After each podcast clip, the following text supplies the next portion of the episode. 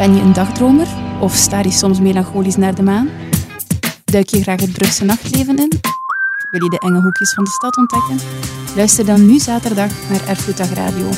Villa Bota! Van 10 tot 10 op Villa Bota. You don't know nothing, but I'm gonna tell you something. I'm saying, hey yo. Don't judge the, the cover, judge the book. I man. Welkom beste luisteraars, Eh, welkom bij onze radioblog van Club Magie. In deze radioblog zullen we het hebben over afscheid en de dood. Deze thema zullen we benaderen en de afscheid en de dood als een immateriële erfgoed. Dit immateriële erfgoed wordt van generatie op generatie doorgegeven, maar verandert ook voortdurend onder invloed van tijdgeest en culturele context. Met meer dan 150 herkomstlanden is Brugge een rijkdom aan verschillende geloofgemeenschappen en levensbeschouwingen die elk hun eigen rituelen, traditie en erfgoed koesteren. Op die manier ontstaat er een nieuwe mengvorm op maat van de tijdgeest en eders individuele culturele invullingen. Daarom gaan we in gesprek met twee verschillende vertegenwoordigers van twee verschillende geloofgemeenschappen in Brugge. Ons eerste gesprek is met Nirmala van het Hindoeïsme en ons tweede gesprek is met Janika van het Verenigde Protestantse Kerk. En onze eerste gast in onze driedelige podcastreeks is eh, niemand minder dan Nirmala. Eh Nirmala is een, eh, ja, een vertegenwoordiger van het eh Hindoeïs- Hindoeïsme. Sorry. Eh, eerst en vooral, goedemorgen Nirmala. Goedemorgen. Hoe gaat het met jou? Heel goed, Ah. heel goed. Super. Ondanks deze speciale tijden met eh, meer dan een jaar COVID. Ja. Maar toch had het gedaan, super. Eh, ja, Nirmala, kan je je kort voorstellen aan de luisteraars? Eh, ja, wie, ja, je naam kennen we ondertussen en eh, hoe dat je in Brugge bent geraakt. En daarna gaan we dan over naar de vragen. Hè. Hoe, lang, hoe lang woon je al in Brugge? Ik woon hier al eh, 22 jaar. Amai. Ja. En ja, ik ben hier getrouwd. En Ja. ik heb een Belgische man en ik heb twee kinderen. Ja. En ik woon heel graag hier. Dus, En zijn de kinderen ook, zeg je dat correct, Hindoe? oh, niet echt, nee. nee Omdat ze al eh, hier geboren is. Ik moet ook hier traditie volgen. Ja, ja, Zij zijn alle twee gedopt. Maar ja, ze volgen wel. Weet je wat ik heb eh, gedaan is. Ze doet wel wat ik vraag. Dus, eh, En uw man is dan katholiek of is hij, heeft hij geen, Oh. is atheïst? Hij is afkomst van de katholiek, maar ja, hij, hij is katholiek, maar ik ben hindoe. Ja, we blijven altijd uh, Maar dat is, allee, traditie. Dat is mooi, hè, dat, eh, ja, dat is mooi dat de combinatie kan. Ja. Dat is super. Ja. Eh, ja, nee, terug naar ons eh, thema. Dus ehm, Ja. afscheid en de dood. Mijn eerste vraag is, welke rol speelt muziek binnen jouw rituelen? Eh, bestaat wel muziek, maar sommige mensen doen het wel, sommige mensen doen het niet. Dat is hotte muziek, dat is Hariram, Hariram, Hariram. Omdat iemand dood is, bepaalde mensen doen het zeggen, oh Hariram, Hariram, Hariram. Maar veel mensen doen het niet, omdat er meer dan zoveel mensen komen voor het troosten naar elkaar. Ja. Die, en die periode is sommige mensen eh, niet veel eh, muziek eh, horen of zingen of zo, omdat bij ons is, bestaat niet iets muziek achter voor iemand zo een ritueel Oké. periode zo. En heb jij dat al eens meegemaakt toen je nog in Nepal woonde? Ja hoor, ja Ja. hoor, ja, ja, En dat was, eh, hoe was dat als ervaring? Was dat iets dat je... wa- Was je nog jong of was... eh, Ja, ja, ja, nog jong. Mijn opa oma is dood en eh, mijn familie ook. Maar ja, het is een moeilijke periode bij ons. Het is wel allee, heel lange traditie. 13 dagen geen zout eten, die zoon. Die zoon moet 13 dagen apart blijven. ja. En geen zout eten. Ze moeten één keer per dag in een rivier, aan de rivier iets eten. Droge rijst en boter of hamburger zo. En ze mag niet aankomen, mensen. 13 dagen achter doen. Dat is wel een moeilijke periode. En is- is dat meer om je lichaam te reinigen dat je dat heen Nee, niet dat als iemand dood is, moet, je de, eh, goed te verlopen gaan. Als de mensen met dood is, wij zeggen, kijk, ik doe het voor hem of voor haar. Dus mijn ouders of mijn familie, alle mijn oma of zo. Als we iets zo doen, 13 dagen, en die dode mensen is wel Ze gaan, oh, het is uh, ja, goede volt boven in de heaven. Het is alles. Ja. Ah, wel interessant. Ja. En eh, waar vindt, eh, van waar, allee, de oorsprong van die rituelen, is dat, is dat, is dat bij elke hindoe, hindoes eh, overal in de wereld die zo, dat is de manier waarop dat moet begraven worden? Of is dat afhankelijk van de land? Is het Nepal anders? Nepal, meestal. Ja. Maar andere landen ze doen het ook zo. Hoewel die is een heel moeilijke traditie. We hebben als iemand uh, ritueel doen of het zo begraven of zo. Oké. Meestal is het Nepal. Ja, ah, oké. En ehm, bijvoorbeeld om eh, begraven te worden volgens die traditie, moet je dan gelovig zijn? Of je gewoon, eh, kan ied- moet, wordt iedereen in dezelfde ritueel, allee, met dezelfde ritueel begraven? Ja, iedereen moet hetzelfde ritueel doen. Ja, Dus ook al ben je niet gelovig, dus, eh, ja dat is, uh, meestal is het, bij ons land is meestal is het Hindoe. hè. Ze doet het iedereen bijna. Maar moslim doet dat op moslim manier. En Ja. eh, boeddhist doet ook haar allee, boeddhistische manier. Maar we hebben meer dan 90% uh, Hindoe. Dus het is bijna iedereen. Oké. Dus de, ja, de grootste godsdienst, zeg maar, hindoeïsme. En dan heb je de islam, zeg je? Ja, bij, bij ons ook islam ook, boeddhisme ook. Ah, maar en katholieken ook niet veel, maar toch wel redelijk ook. Zeggen 3, 4 procent misschien of zo. En dat is door locaties. Is dat een beetje met locaties of is dat allemaal, lief iedereen door elkaar? Zo'n beetje? Eh, iedereen met door elkaar, ja. ja. Dat is mooi. Eh, ja, nee, een volgende vraag. Gaat eruit. Eh, bent u trots eh, op uw traditie met betrekking van afscheid? Ja, ja, ja, waar ik heb geboren, mijn familie, eh, mijn hele familie, zo volk is, ja. Ik ben trots, ja. Ja. Mooi. Ik, ik heb een vader gedaan ook tot nu. ja. En geef je dat dan ook door aan je kinderen?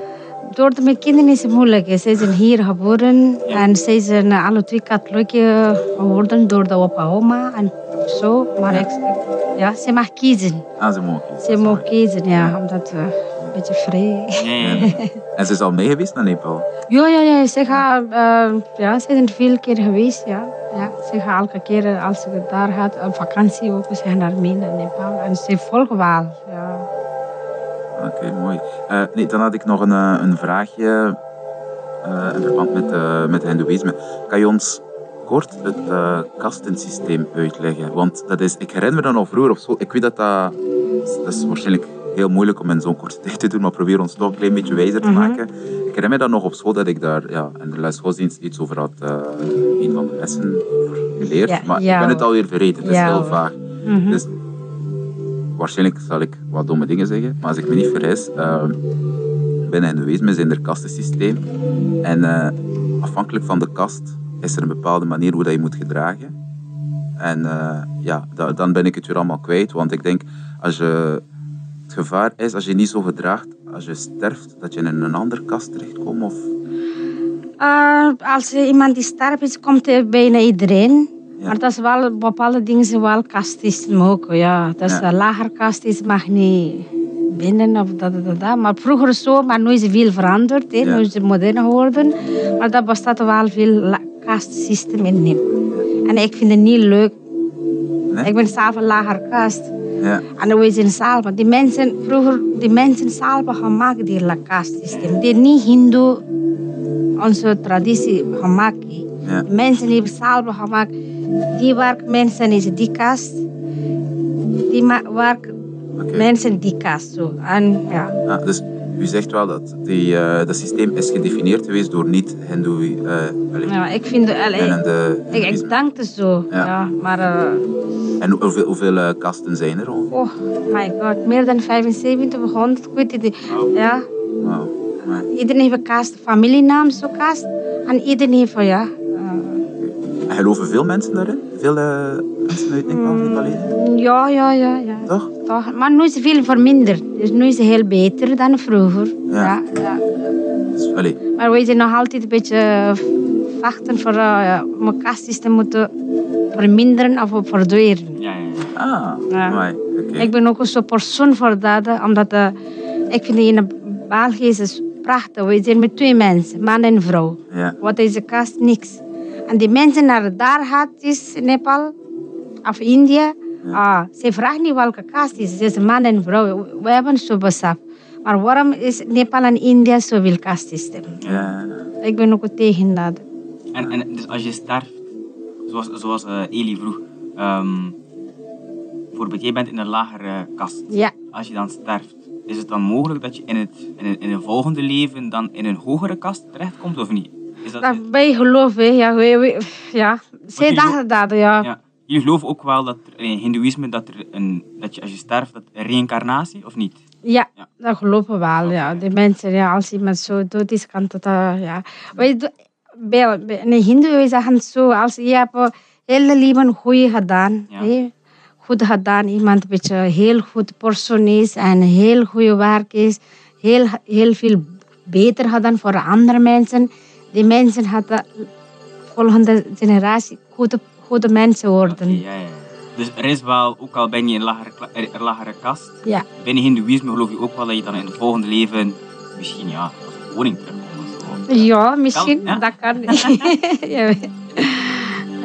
Ah, mooi. Eh, nee, en dan, eh, allee, dat is misschien wel een beetje meer een filosofische vraag. Ehm, eh, hoe kunnen wij eh, als mens, want ja, je hebt bij de hè, ik denk, je bent hier al van en België van eh 97 Ja. en Brugge zelf. Bruggezaal, ja. Ja. dus je bent rechtstreeks naar Brugge gekomen. Ja, eh, rechtstreeks in Brugge komen, ja. Amai, Mhm. dat eh, Maar eh, ik heb al leren kennen mijn man in Nepal. Ja. Eh, 96 of zo. En we hebben direct getrouwd met de arranged marriage. We hebben, allee, hij moest mijn familie vragen. Ja, mag je dochter trouwen of mag je zusje trouwen zo? En mijn ouders kan niet spreken, allee, kan niet Engels zo. En mijn broer en schoonzus en een beetje familie. Ja. Ik heb, ja, allee, zij zegt, ja, wij gaan nog denken. En door de arranged marriage. En ja, ik heb direct getrouwd en direct eh, hier gekomen. Niet daar blijven of zo. Ja. zo. amai, dat was ook toch... Hoe oud was je dan toen, als ik het mag vragen? Hier komen was 22 jaar. Zeg. Wauw. ja, dat moet... eh, Was dat een, een, een cultuurshock of niet? Abje? Was dat een, een cultuurshock voor jou? Om van Nepal naar Brugge te gaan? Ja, zeker in vast. Ja. Maar eh, ik ben persoon is een beetje hard een doorzitter. doorzitter. Zo. Ja, dat is, dat, dat, Niet bij de pakken. dat is zo. dat is super. Ja, en ook doorgeven aan de kinderen, hè. dat is ja, heel belangrijk. zeker. Ja.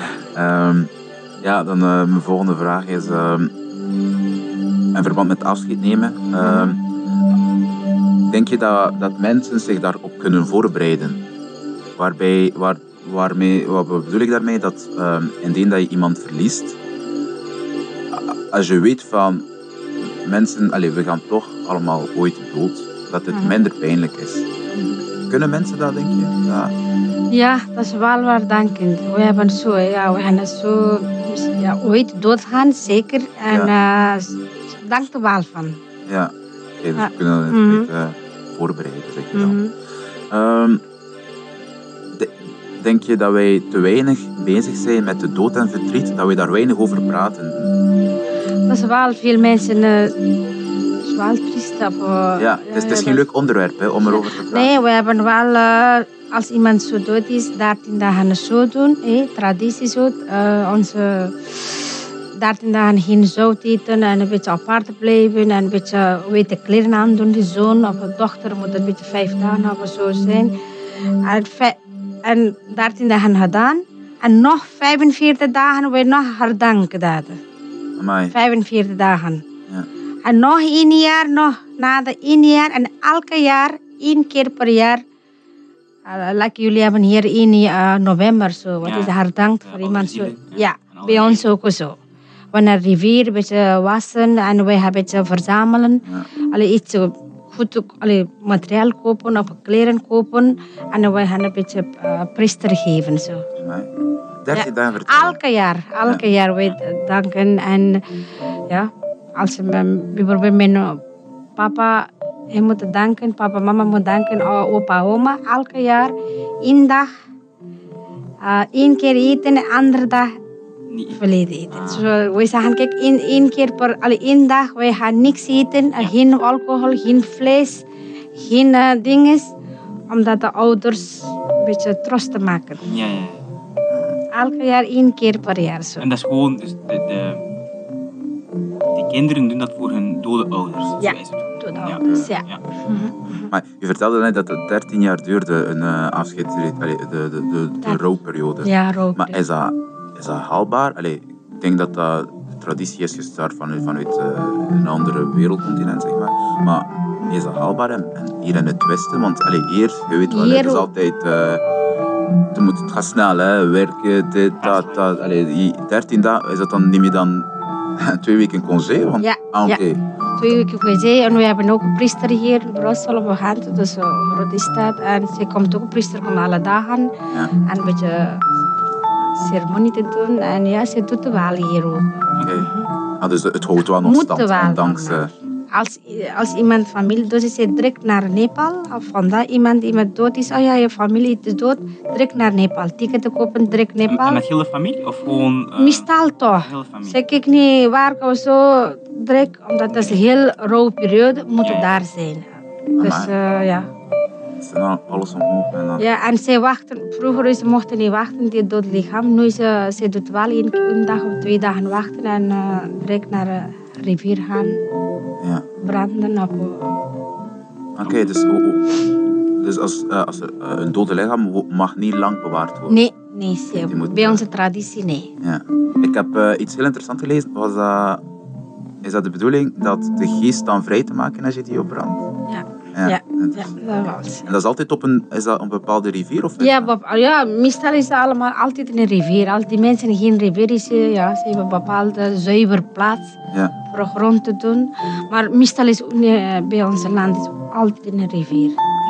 ja. Ik zie nu een beeld van een, ik zie nu, eh, een, beeld van een reportage aan mij. eh, Ja, en dat was in Kathmandu. ja, dat, is dat zo dat het lichaam op een, op een, ja, op een soort vlootje wordt gelegd Mhm. en dan allee, ik denk in brand wordt gestoken en dan wordt, Ja. drijft verder een beetje. Ja. Ah, dat is wel eh, interessant. We komen hier veel te weten. Eh, ja, mijn, ehm, mijn volgende vraag, allee, dus een beetje algemeen. eh, woont je graag in Brugge? Ja hoor, heel Ja. graag. Ja. Heel graag, ja. Heb je, heb je soms ook een gevoel als je heel lang in het buitenland bent geweest, als je terugkomt, zo van, het gevoel dat een, een thuis of een tweede thuis? Ja, zeker en vast. Ja. Ja. Als ik een beetje, een beetje Portugal of Spanje, een beetje Europa ga, is uh, ik voel het thuis, ja. Dus Ja. ja. lekker op gemak, ja. Ik, ja. dus uh, Maar ik hoor het ook aan je accent. Hè. Het klopt, dat goed Brugs. Hè. oh, dank u wel. dank u wel. En eh, is, zijn er veel mensen van de Nepalese gemeenschap in Brugge? ja, meer dan duizend, ja. Meer dan duizend? Ja. Tof. Mhm. En jullie komen geregeld samen? Of, Ja, ja, eh, ja, onze traditie, allee, onze feestdagen, like, uh, april is het nieuwjaar, 13 en 14 april is het nieuwjaar. En oktober, november is bij ons is een grote kasta en uh, feestdag, zodat ze, die, die Diwali, lichte feest. Ja. En ja, en uh, september is een vrouwenfeestdag. Al de vrouwen is rode kleren en we doen hier meer dan 400, 500 vrouwen komen met rode kleren. ja. Ja, Is dat zo'n soort de, de, de dag van de vrouw? Of, eh? dag van de vrouw. Ah, Ja. en op welke dag is dat?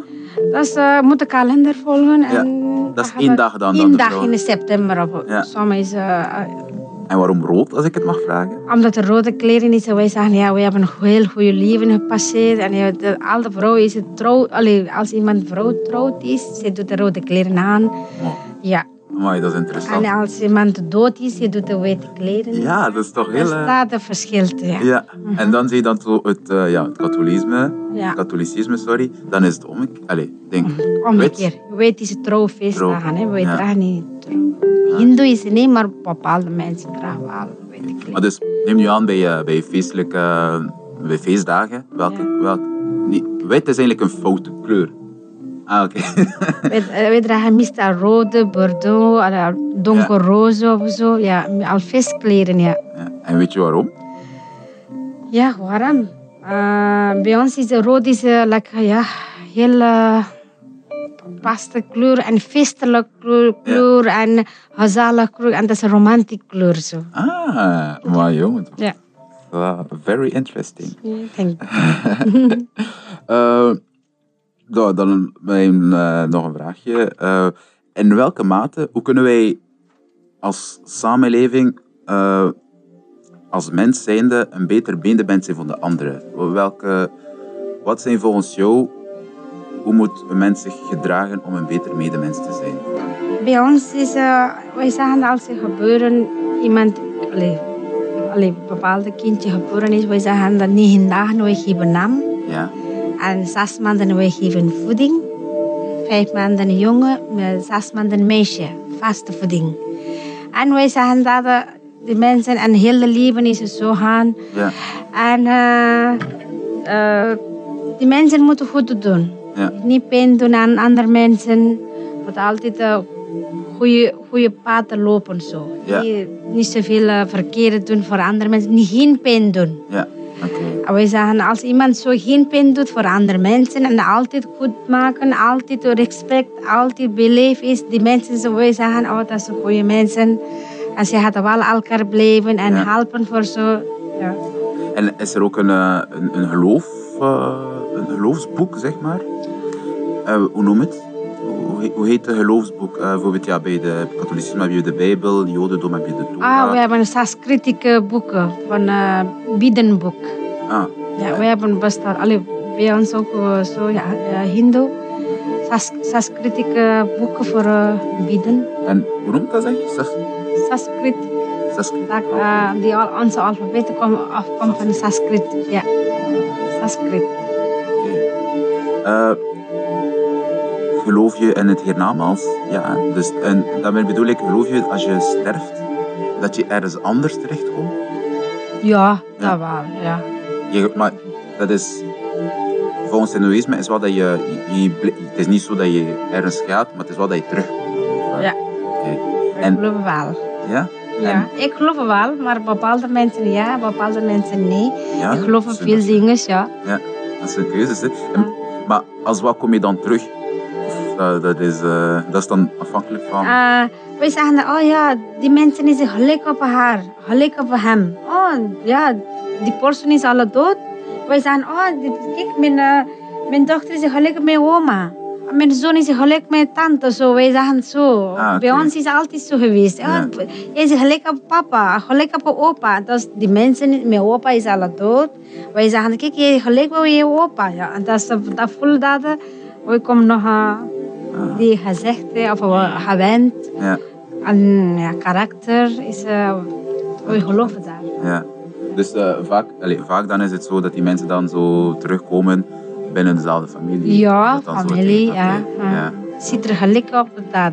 We zeggen dat. En ziet u iets bij je kinderen of niet? Ja, een beetje toch. ja.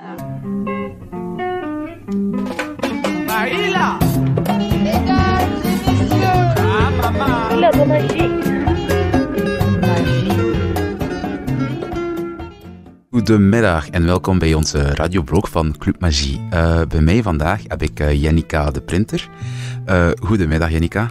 Goedemiddag. Ja, Jannika is dus predi predikant, als ik het correct zeg, binnen de Verenigde Protestantse Kerk in Brugge. Ja, dat is ja. juist. Ja. Ja, ja, dus eerst en vooral, hoe is het met jou? Goed.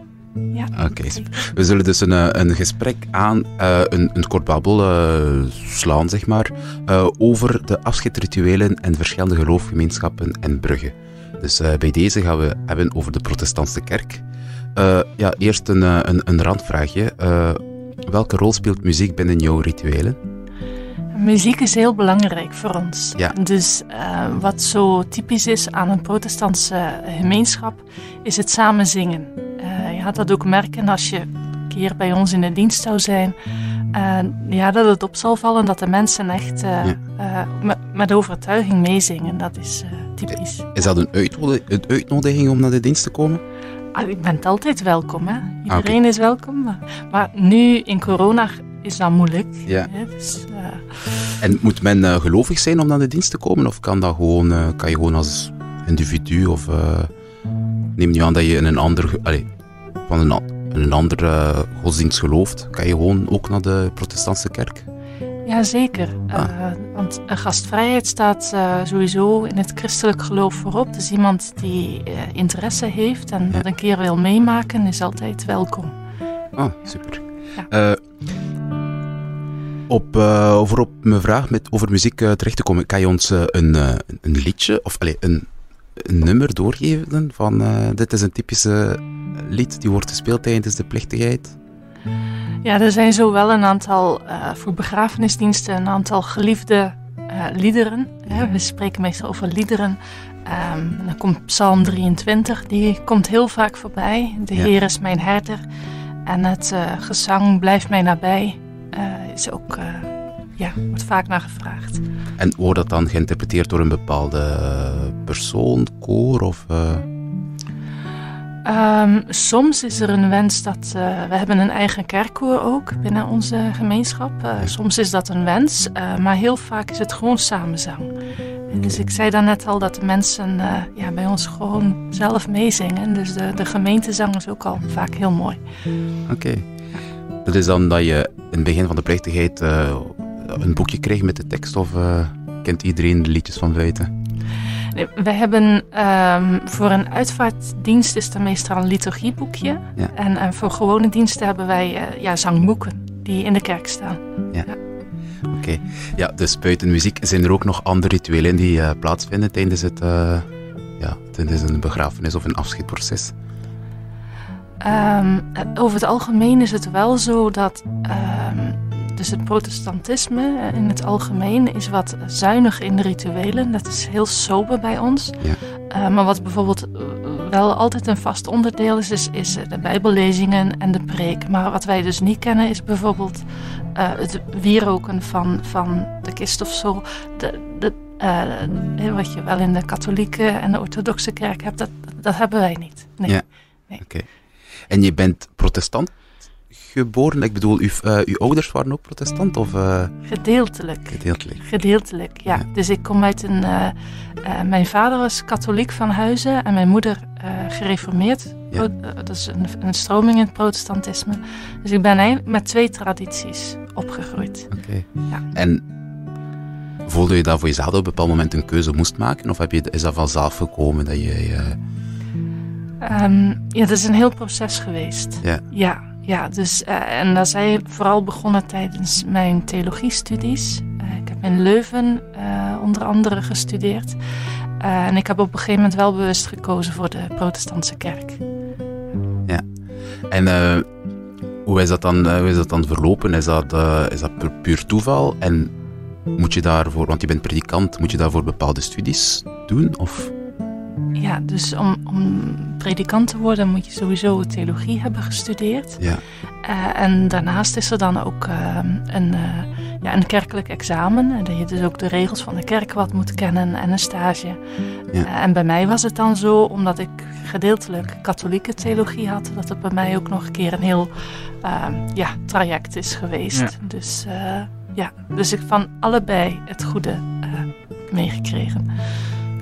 En, en nu in die covid-tijd, ik neem aan dat het waarschijnlijk, dat het uh, al een jaar het, het, nieuwe normaal, zeg maar, uh, wint dat? Of hoe, hoe is, hoe is uh, de, de Verenigde Protestantse Kerk mee omgegaan met die grote verandering?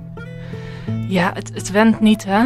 Dus ik denk dat dat voor heel veel mensen geldt. Um, ja, we zijn eigenlijk heel snel met online diensten begonnen. Ja. Uh, met, via YouTube. Dus, uh, en nu op dit moment zijn we ook alleen online.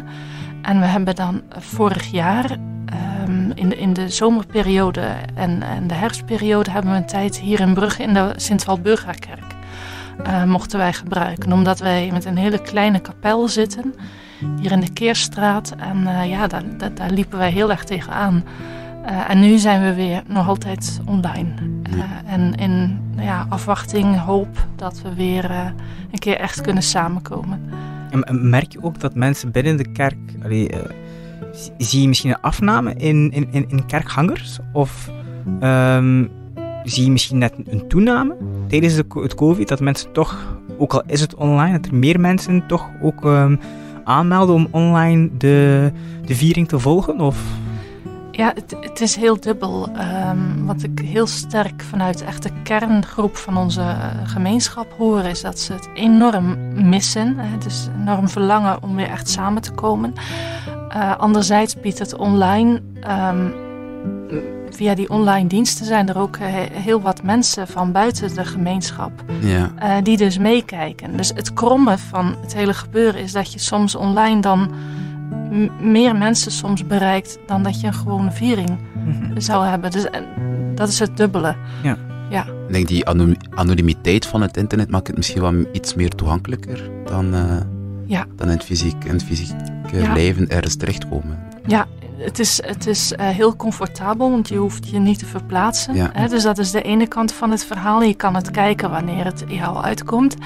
Ehm, anderzijds voelen mensen zich ook, eh, zeker de mensen die in de kerk zijn opgegroeid, voelen zich minder betrokken. Want het is heel anders als je thuis een lied zit mee te zingen dan dat je echt samen zingt. Tuurlijk. Dat is, dat is ja. Dat kan je niet vergelijken. Nee, dat is. Nee. Dus ik zeg altijd maar van ja, een online dienst kan een, een echte dienst eigenlijk niet vervangen. Dus eh, En hebben jullie ook eh, ja, waarschijnlijk wel tijdens dat jaar eh, afscheid moeten nemen van, eh, van andere mensen? En hoe is dat dan verlopen? Is dat dan, allee, was dat dan binnen, binnen de maatregelen hoeveel mensen dat erbij mochten? Of is dat volledig online verlopen? Ehm, ik heb, vorig jaar hebben we drie mensen eh, verloren. Ehm, dat was ehm, ja, in de periode, denk ik, zo april tot, tot, tot de zomer. En dat waren dat eigenlijk allemaal uitstrooiingen op de centrale begraafplaats. Ja. Eh, hier in Brugge ook. Ehm, heel, heel streng. Ehm, dat was ook, er was ook zeer weinig mogelijk. Daar was nog een. Ik heb dan als predikant daar dan nog een, eh, ja, een persoonlijk verhaal verteld. Eh, je probeert dan wat hoop en wat bemoediging te geven. Er is dan nog gelegenheid om een gedicht te lezen. En, en de uitstrooiing zelf, en dat was het dan. Hè, dus het was heel verdrietig. Ehm, en dan hadden we op een gegeven moment wel het geluk dat we dus die Sint-Walburga-kerk hadden. En dat we dus eh, voor één iemand ook echt een herdenkingsdienst hebben kunnen doen. Ehm, wat wij ook hebben is elk jaar eh, een herdenking van de overledenen van het afgelopen jaar. Ja. Dat eind november. Eh, tegen die tijd moesten de kerken weer allemaal dicht. En dat is online gebeurd. Ja. Dus dat was wel heel lastig. Ja, kan ik wel inbeelden. Ja, dus eh, en dan probeer je ehm, door je er wat in te scholen online. eh, je kunt online hele mooie dingen maken. Ja. Eh, en, en dan is het eh, een zegen dat het er is. Maar ja, het, het is toch anders. Het is ja, misschien minder, ja, minder tastbaar misschien. Ja. Allee, en ook nog veel andere redenen, neem ik aan. Eh, daarnet eh, haalde je aan dat eh, de, de processen bij een afscheidsritueel, eh ja, Psalm 23 is daar één van, maar de rest wordt dan ingegeven in afspraak met de familie van de overledene? Of is dat dan volledig de kerk die zegt van, kijk, voor dat of dit leven, dat leven gebeurtenis, is er dat als ritueel tegenover? Ehm, ja, dat ligt bij ons niet zo vast. Wij hebben niet een, een standaard ehm, eh, liturgie voor, voor een begraafplaats of begrafenis. eh, met teksten waar mensen uit kunnen kiezen. Ehm, ik, ik ga altijd als predikant bij de mensen thuis. Eh, er is dan een pastoraal gesprek. waarin er ook ruimte is om het verdriet te delen en om te spreken over het leven van de overledene. En dan kijk ik met de mensen eh, wat passend is voor die familie en voor eh, de overledene. Vaak zijn er lievelingsbijbelteksten of een lievelingslied. Ja. Eh, als mensen, soms hebben mensen ook heel veel verdriet en komen ze er niet uit, dan, dan stel ik zelf wat voor. Maar dat is heel erg in samenspraak met. En eh, voel je dat, dat die traditie ervoor zorgen dat het afscheid nemen makkelijker wordt, of ja, accepteerbaarder, zeg maar, bij de mensen? Het feit dat het op die manier gebeurt? Ja, ik denk eh, als het een, een goed afscheid is, Ja. eh, waarin er ook, eh, wat ik ook altijd probeer is om in de preek zowel het te hebben over de Bijbelteksten, hè, die vaak, vaak troostende teksten zijn, en het leven van hoe iemand was. Ja. Ehm, dan kan zo'n dienst heel veel troost geven. En kan het mensen ook echt helpen in hun rouw. Ja. ja. En er gebeuren ook waarschijnlijk ja, andere evenementen. Ik bedoel, een, huwelijken gebeuren ook, denk ik, ook wel bij jullie. Dat is ook wel, eh, heb je uh, Zoom-huwelijken moeten eh, organiseren dit Nee. afgelopen jaar? Dat, nee, dat nog niet. Nee, nee, nee. nee. En, en dopen, dat gaat natuurlijk ook niet hè, online. Dus Ja. dat, eh, nee, dat is... eh, Ah, goed dat je over dopen begint, want eh, ik, ik, ging, eh, ja, ik ging misschien een, een, een heel andere... Allee, ik, wist- dat, dat wist ik zelf niet, dat dat eh, een deel was binnen de protestantse kerk. Dus eh, dat is een mooie brug naar mijn volgende vraag. Wat zijn de grootste verschillen binnen, allee, tussen de protestantse kerk en het katholicisme? Ja, ehm, er zijn heel veel overeenkomsten. Ja. Dus die vraag wordt vaak gesteld, dus daar begin ik altijd mee. Ehm, we zijn net als katholieken zijn wij christenen. Dus, eh, we, dus, dus dat is de basis, maar er is wel een hele andere focus. En eh, ehm, heel centraal staat de Bijbel eh, in, een, in, een, in de protestantse kerk. En je merkt dat ook in de dienst. Hè. Dus eh, de centraal staan de Bijbellezingen en de preek. Ehm, en een ander verschil is de sacramenten. En wij kennen er daar maar twee van. Dus we hebben het avondmaal. Eh, dat zou je met de Eucharistie kunnen vergelijken. En we hebben de doop. Ja. Dus twee eh, sacramenten. En ook de, hoe de kerk georganiseerd is, is, ehm, is wat minder hiërarchisch. Hè? Dus, dus een dominee die wordt, die wordt echt gekozen door de gemeenschap. Dan wordt, en daar is ook een verkiezing en een stemming. Dus dat is eh, een beetje meer een platte eh, structuur. Ja. Ja. Het is niet zo dat het vanuit een bepaalde stad, ergens in Italië, een grote baas zit. Allee, ik, ik verwijs dan naar het Vaticaan, die dan beslist van, eh, oké, die nee. kardinaal en zo, die land, oké. En, dus, en hoe lang ben je dan predikant? Eh, nog niet zo lang hoor. Ik ben, eh, ik ben nu. ehm, ik heb dus eerst een stage gedaan. Ja. Dus ik ben nu bijna twee jaar predikant. Dus hier in Brugge. Ja. Ah. En beval het je, Brugge? Ja, Brugge is een hele fijne stad. Ja, Want ik hoor een licht eh, Nederlands accent. Dus, klopt. eh, hoe, hoe ben je in Brugge terechtgekomen? Ehm, nou, ik, ik ben Zeeuws-Vlaming, dus ik kom net van over de grens. Ja. Ehm, dus ehm, ja, ik ben dus Zeeuwse, dus dat is ook wel, eh, wel fijn dat eh, eh, het Zeeuws en het West-Vlaams, dat lijkt redelijk veel op elkaar. Dus dat, het scheelt dat ik dan West-Vlaams redelijk goed kan volgen. Eh, behalve als het heel plat wordt, dan, dan wordt het wel een beetje lastig.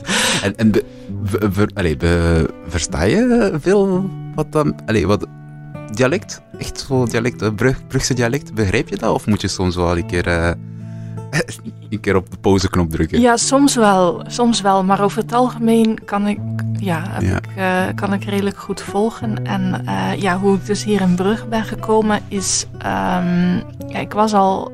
eh, Ik woonde toen nog in, in Zeeuws-Vlaanderen met mijn man. En ik was toen al bezig, bezig met omscholen. Ehm, en ik deed in Zeeuws-Vlaanderen ook al wel af en toe... was ik ergens als gastpredikant. Ehm, en eh, er was toen een dominee in Sluiskil, een klein stadje in Zeeuws-Vlaanderen. En haar man die was predikant hier in Ja. Brugge. En die, en dat was een predikanten-echtpaar en die gingen stoppen. En die zei toen tegen mij van, nou, Brugge, is dat nou niet wat voor jou?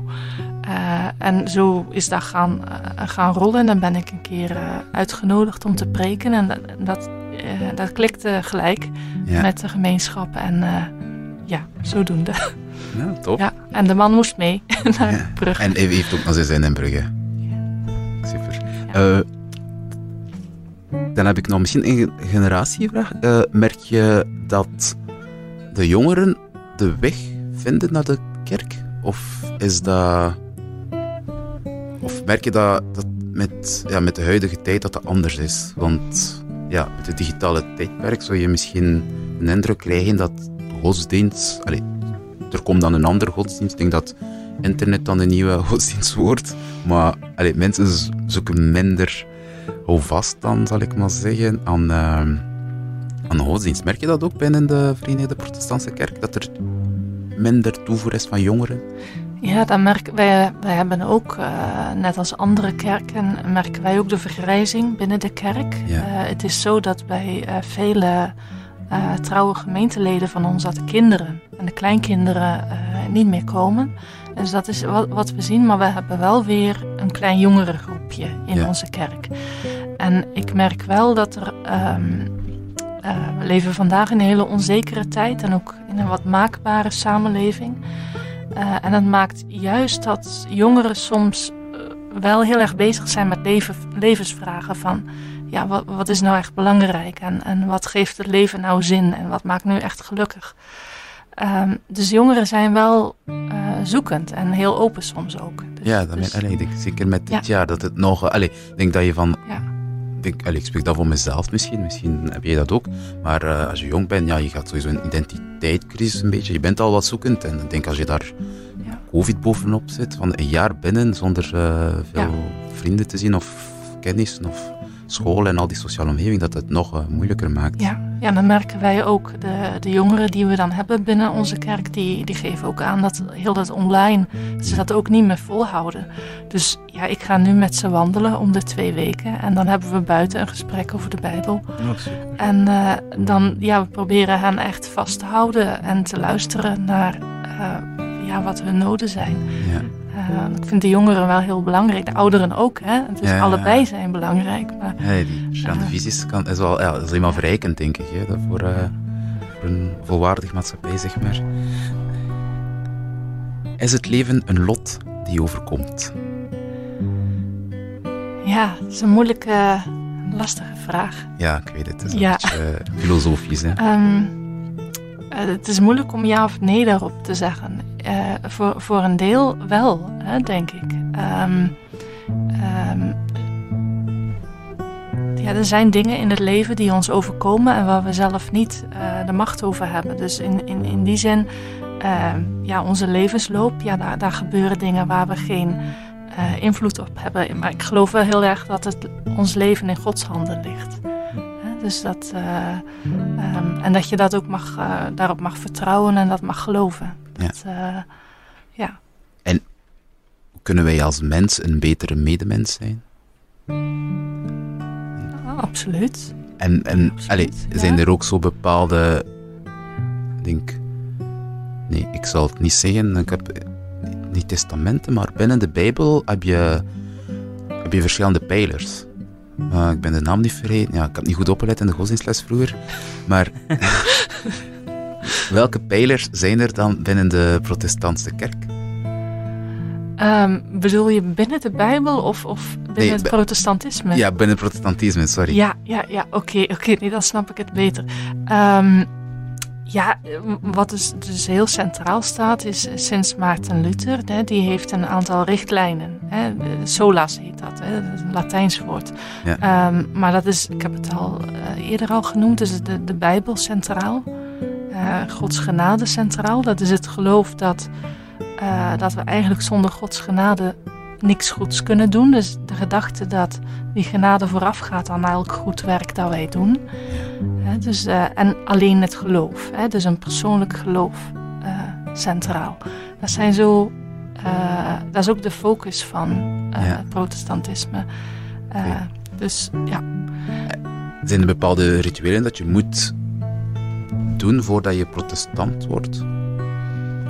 Eh, bijvoorbeeld moet je, moet je gedoopt zijn, moet je, want in het katholicisme is dat wel, hè, dat je gedoopt en die communie moet hebben gedaan hè, om eh, lid te zijn van de, de gemeenschap. En is dat ook, is dat ook het, geval binnen de Verenigde Protestantse Kerk?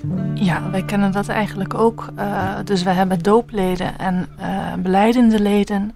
Dus mensen, dat betekent dat je beleidenis hebt gedaan. En een beleidenis is eigenlijk ehm, de hernieuwing van je doopgelofte. Dus eh, vergelijkbaar met het vormsel in Ja. de, in de Rooms-Katholieke Kerk. Ehm, maar daarnaast zijn er ook heel wat mensen die als sympathisant bijvoorbeeld eh, zijn, eh, zijn ingeschreven. Dus die betrokken zijn bij de kerk, maar die niet gedoopt zijn. Dus dat, dat bestaat ook. Oké. Ja. Je haalde daarnet Martin Luther aan. Als ik me niet vergis, was dat een Brit? Eh, nee, een Ier. Of... Een Duitser. nee, was dat een Duitser? Een Duitse theoloog. Ja, ja, ja. ja. Wauw, mijn fout dan. Eh, En betekent dat ook dat Duitsland het, eh, een soort epicentrum is van de protestante kerk? Zeg maar, of de- jullie werken helemaal niet met een, een centrale systeem. Het is vooral gedecentraliseerd. Hè? Dat, je, dat je me vertelde dat Brugge beslist zelf hoe dat hij het wil doen. En. Ja, we hebben geen. ehm, er is niet een systeem zoals je dat in de Rooms-Katholieke Kerk hebt van, van een, een bisdom waaronder kerken dan, dan, dan vallen en daarboven dan nog een Vaticaan. Eh, dat, dat hebben wij eh, niet. Dus een, een, een, een lokale eh, gemeenschap eh, die heeft ook echt eigen beslissingsrecht. Ja. Dus, eh, maar het is wel zo dat de plaatsen waar het protestantisme is ontstaan, en dat is dan ehm, dus waar, waar, waar Luther is geweest, hè, de, eh, die zijn belangrijk, maar bijvoorbeeld ook Genève, hè, waar Johannes Calvinus, een andere reformator die belangrijk is. Dat zijn wel vaak plaatsen die ja, gewoon historisch heel belangrijk zijn. Hè, voor, voor ons. Maar verder zijn die kerken dus, eh, hebben die heel erg hun eigen, eh, ehm, ja, hun, hun eigen manier van gemeenschap zijn. En kunnen we dat kwalificeren als bedevaartplaatsen? Nee, bedevaart niet. Dat is ook weer zo'n verschil. Eh, dus, dus Ja, dat- sorry.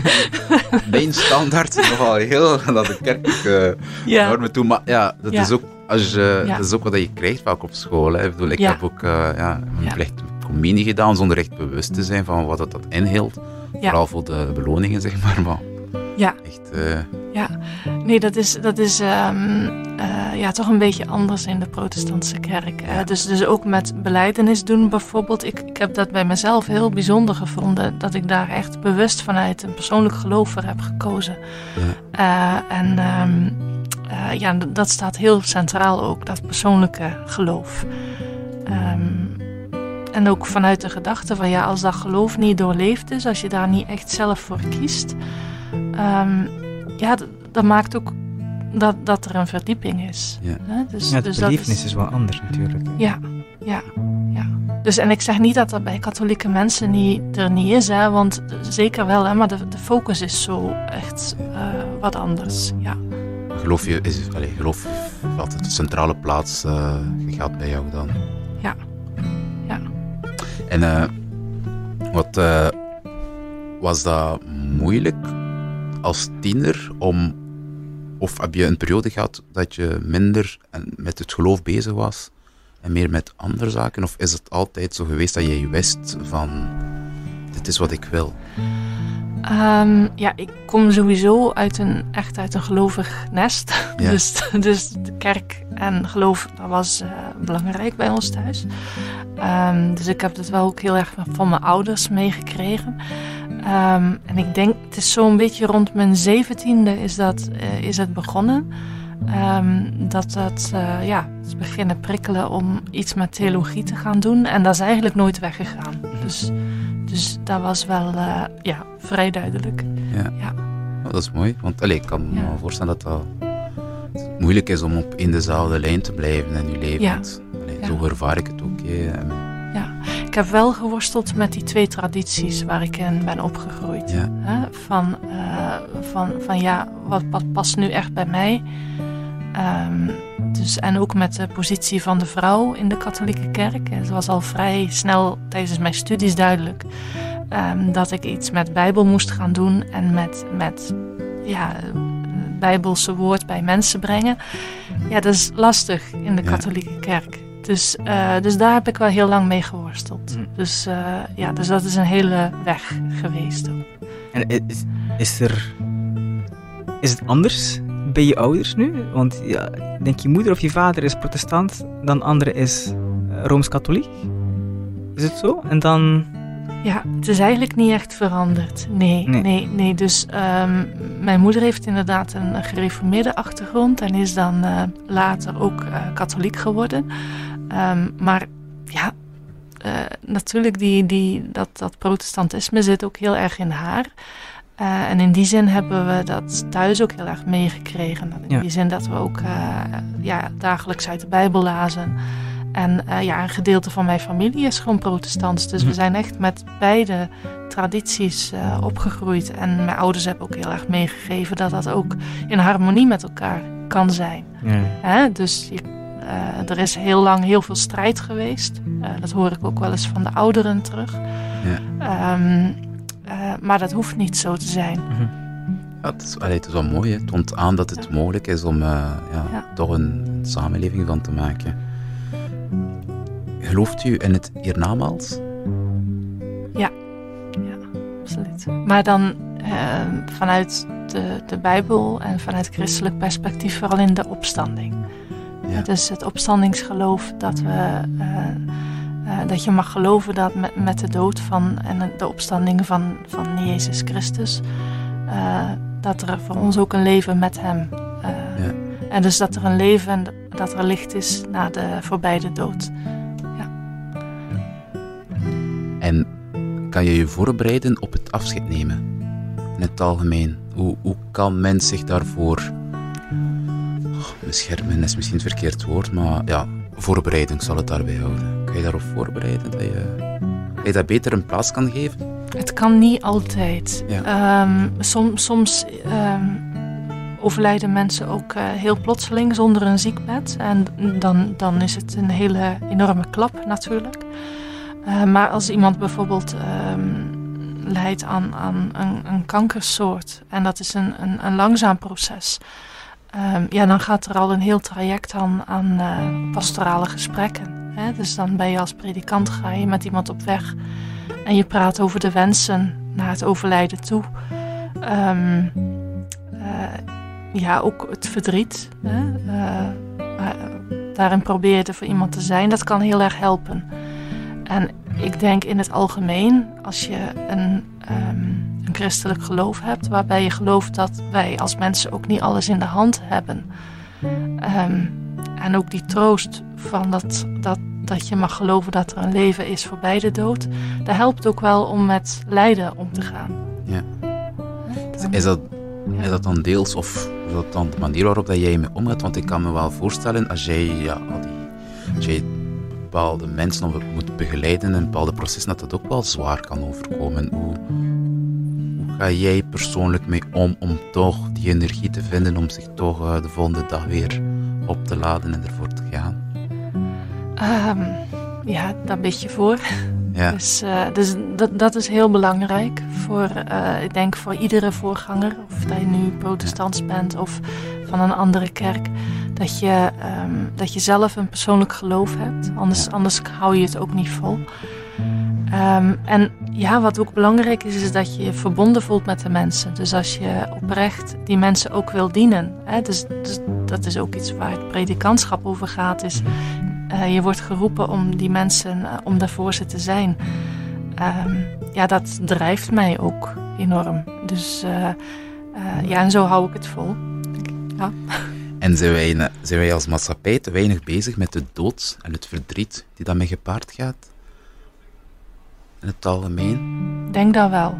Ja. Ik denk ehm, dat we nu bijvoorbeeld door de hele coronacrisis heel erg geconfronteerd worden met onze kwetsbaarheid. Ja. Eh, en ik denk ook dat de onmacht die je bij groepen mensen ziet, van er niet meer tegen kunnen, dat ook heel erg laat zien. Ja. Hè? Ehm, ik denk ook dat wij nu echt botsen op die maakbare samenleving. Ehm, en als je accepteert dat, dat wij als mensen gewoon kwetsbaar zijn en dat het leven ook eindig is, eh, dat is gewoon een heel andere blik. Ja. Ehm, die misschien maakt dat je daar eh, anders naar kijkt ook. Ja, dat is heel interessant, inderdaad. Eh, Welke aspecten kunnen wij verbeteren als samenleving aan de manier waarop wij met, eh, met verdriet opgaan, heb je dat verteld, en ook ondanks de verschillende culturen. Eh, daarmee wil ik zeggen, eh, mensen van andere geloven. Is het voor jou mogelijk om ondanks die verschillen toch nog een geheel maken die, ja, die, die aanvaardbaar is onder één dezelfde God?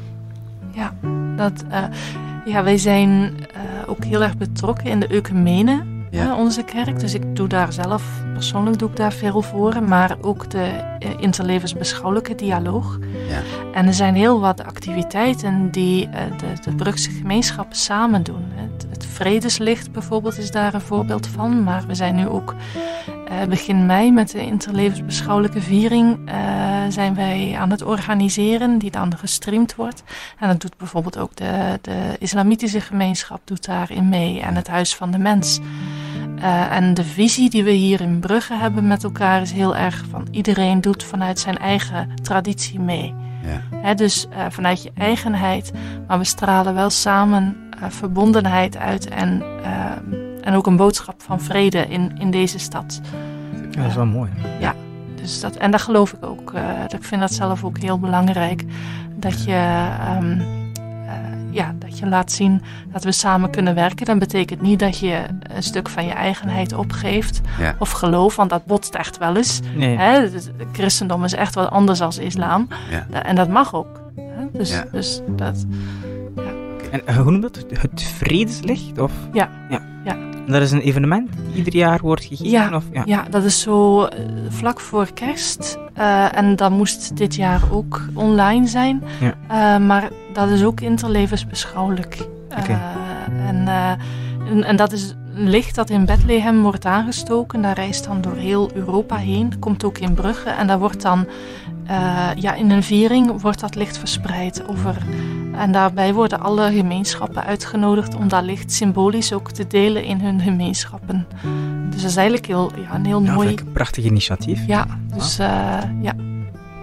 Ja, dank wel om ons eh, wijzer te maken.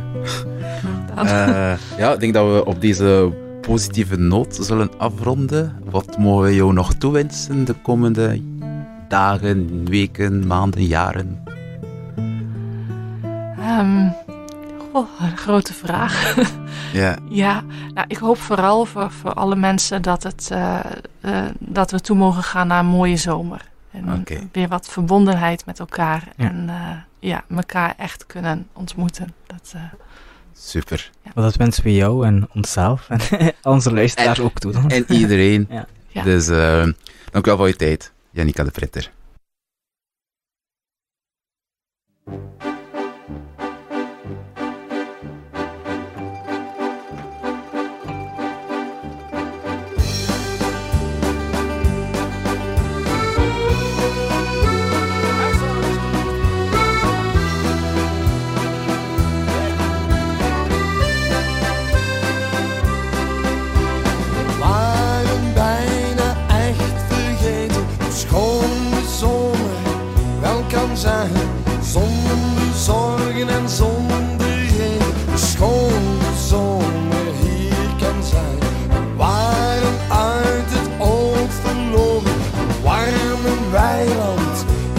Wel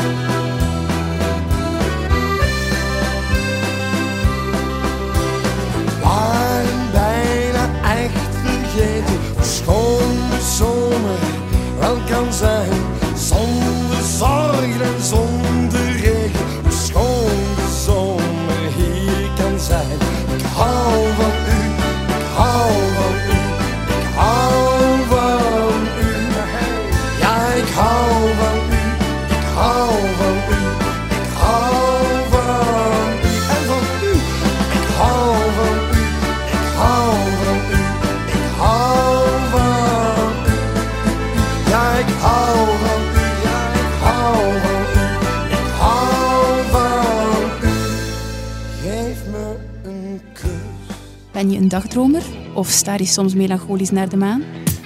Duik je graag het Brugse nachtleven in? Wil je de enge hoekjes van de stad ontdekken? Luister dan nu zaterdag naar Erfgoeddag Radio. Villa Bota!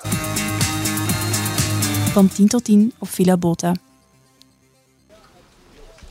Goedemiddag en welkom bij Villa Bota. We zijn hier nog altijd radio aan het maken voor het Erfgoeddag met Villa Bota live vanuit Volksterrenbroek en Bijsbroek. Bij ons zijn er ondertussen twee toonaangevende Brugse ambachtsleden komen bijzitten.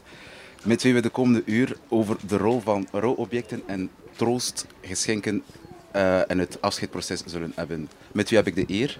Uh, goedemiddag, ik ben uh, Moot Bekaert. Ik ben letterbeeldhoster. Ik werk ehm, hoofdzakelijk dus met letters, tekst, woorden in steen, hout, metaal, beton en andere materialen. Meneer? Uh, goedemiddag ook. Uh, mijn naam is Manu van Herp. Ik ben al een 22-tal jaar keramist en ik werk voor de uitvaart, uitvaartsector, excuseer. In die zin dat ik keramische urnen maak. Ja. Dus, uh, ja. Ja, ik ga een volgende vraag. Hoe gaat het met jullie? Goed. Uh, ja? Met mij ook goed, ja. Super. Ondanks... Uh, Volgens de omstandigheden valt het best mee. Ja. ja. Het zonnetje schijnt vandaag, dus we gaan niet klagen. Ja. We gaan er positief in zien. Super.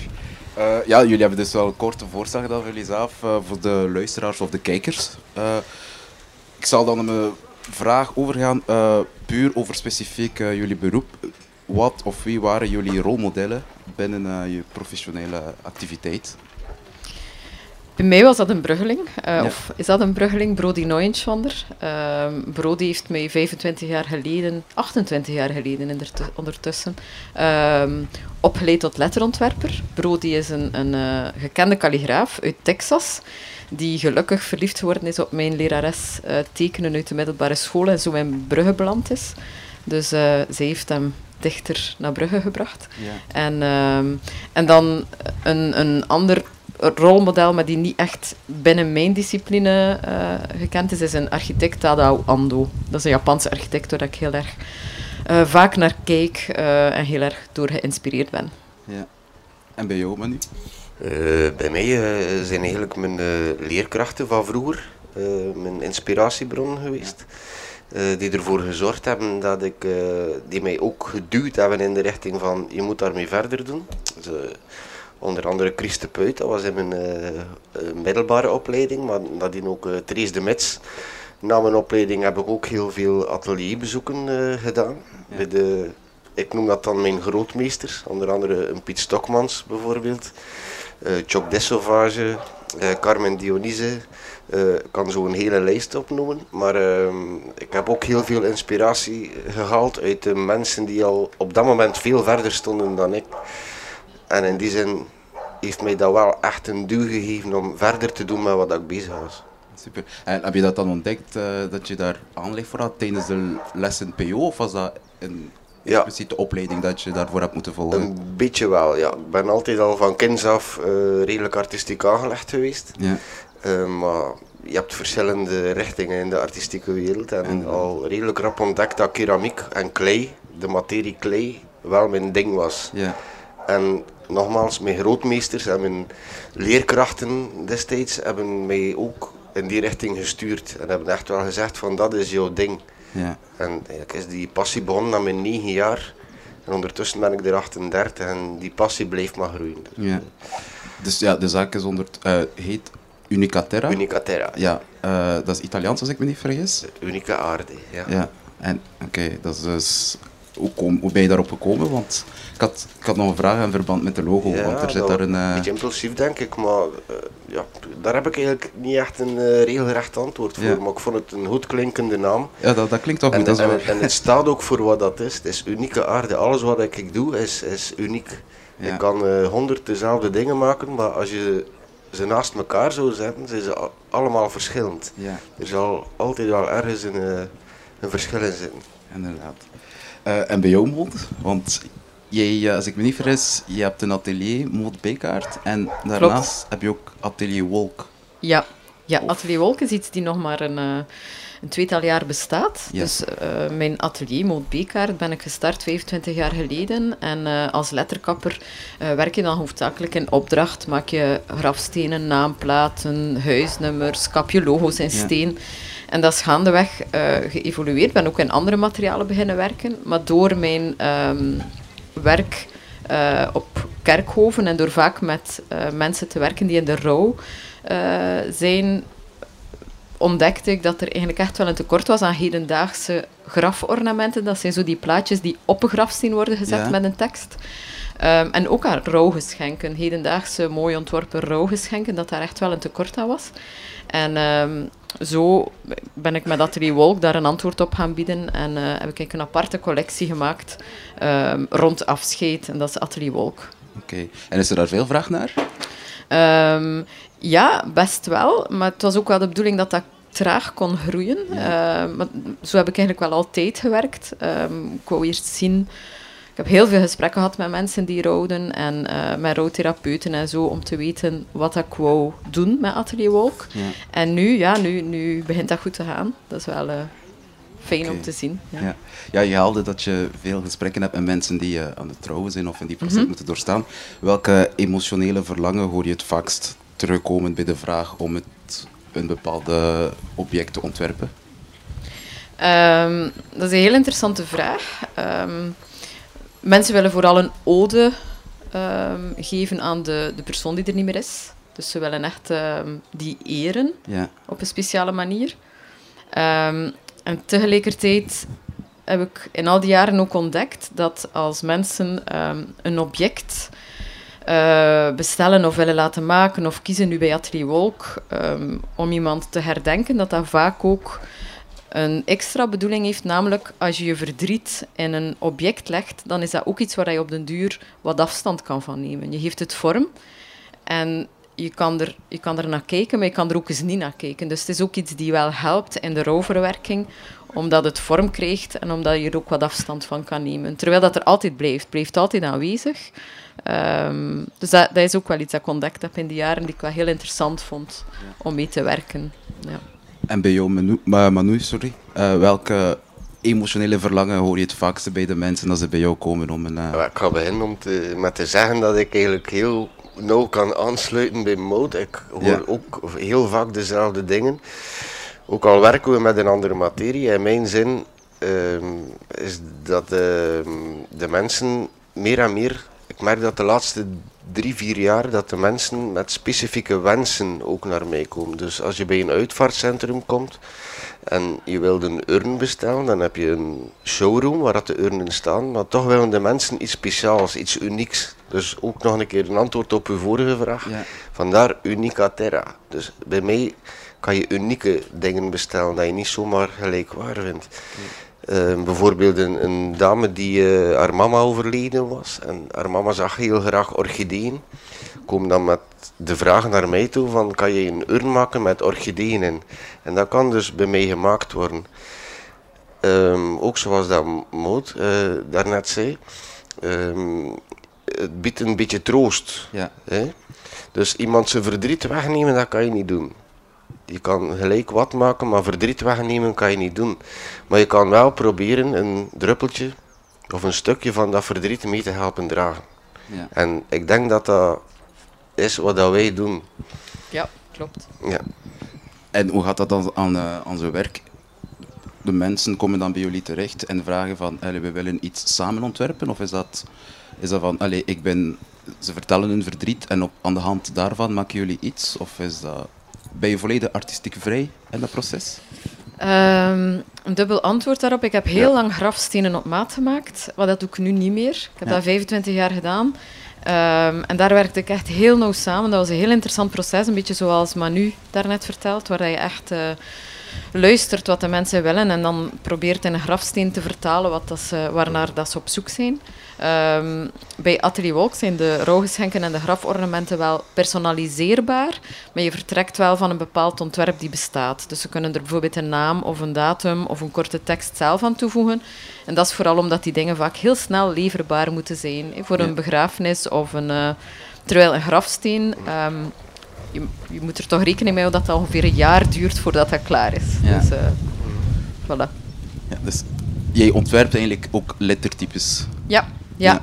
Ehm, ik werk vooral met handontworpen eh letters. En die teken ik, eh, schrijf ik met pen en inkt. Of de laatste jaren meer en meer ehm, schilder ik met plat penseel op, eh, op papier. Ja. Dat is trouwens wat ik liefst van al doe. En dan, ehm, meestal maak ik daar dan een volledig alfabet van. En dan kan ik ermee aan de slag voor Ja. een ontwerp. Ja. En is dat nog steeds, dat proces verloopt dat in ja, 21ste eeuw nog altijd 100% eh, handmade of is dat een beetje gedigitaliseerd ondertussen? Ja, ik ben natuurlijk ook wel mee met eh, hedendaagse technieken. In die zin dat ik dan mijn eh, eigen alfabetten vectoriseer en daarmee aan de slag ga in tekenprogramma's. Ja. Dat hoeft niet altijd. Soms teken ik een, een ontwerp rechtstreeks op een steen met een penseel en komt de computer er niet aan te pas. Maar ik ben, ben ehm, zot van, van tekenprogramma's zoals Illustrator, Ja. even zot als van mijn hamer en mijn betel. Ik vind dat heel tof om die twee te combineren. Dus, en eh, hoeveel, hoeveel lettertypes heb jij ondertussen? eh? ik heb ze eigenlijk nog nooit geteld. Ik denk dat dat...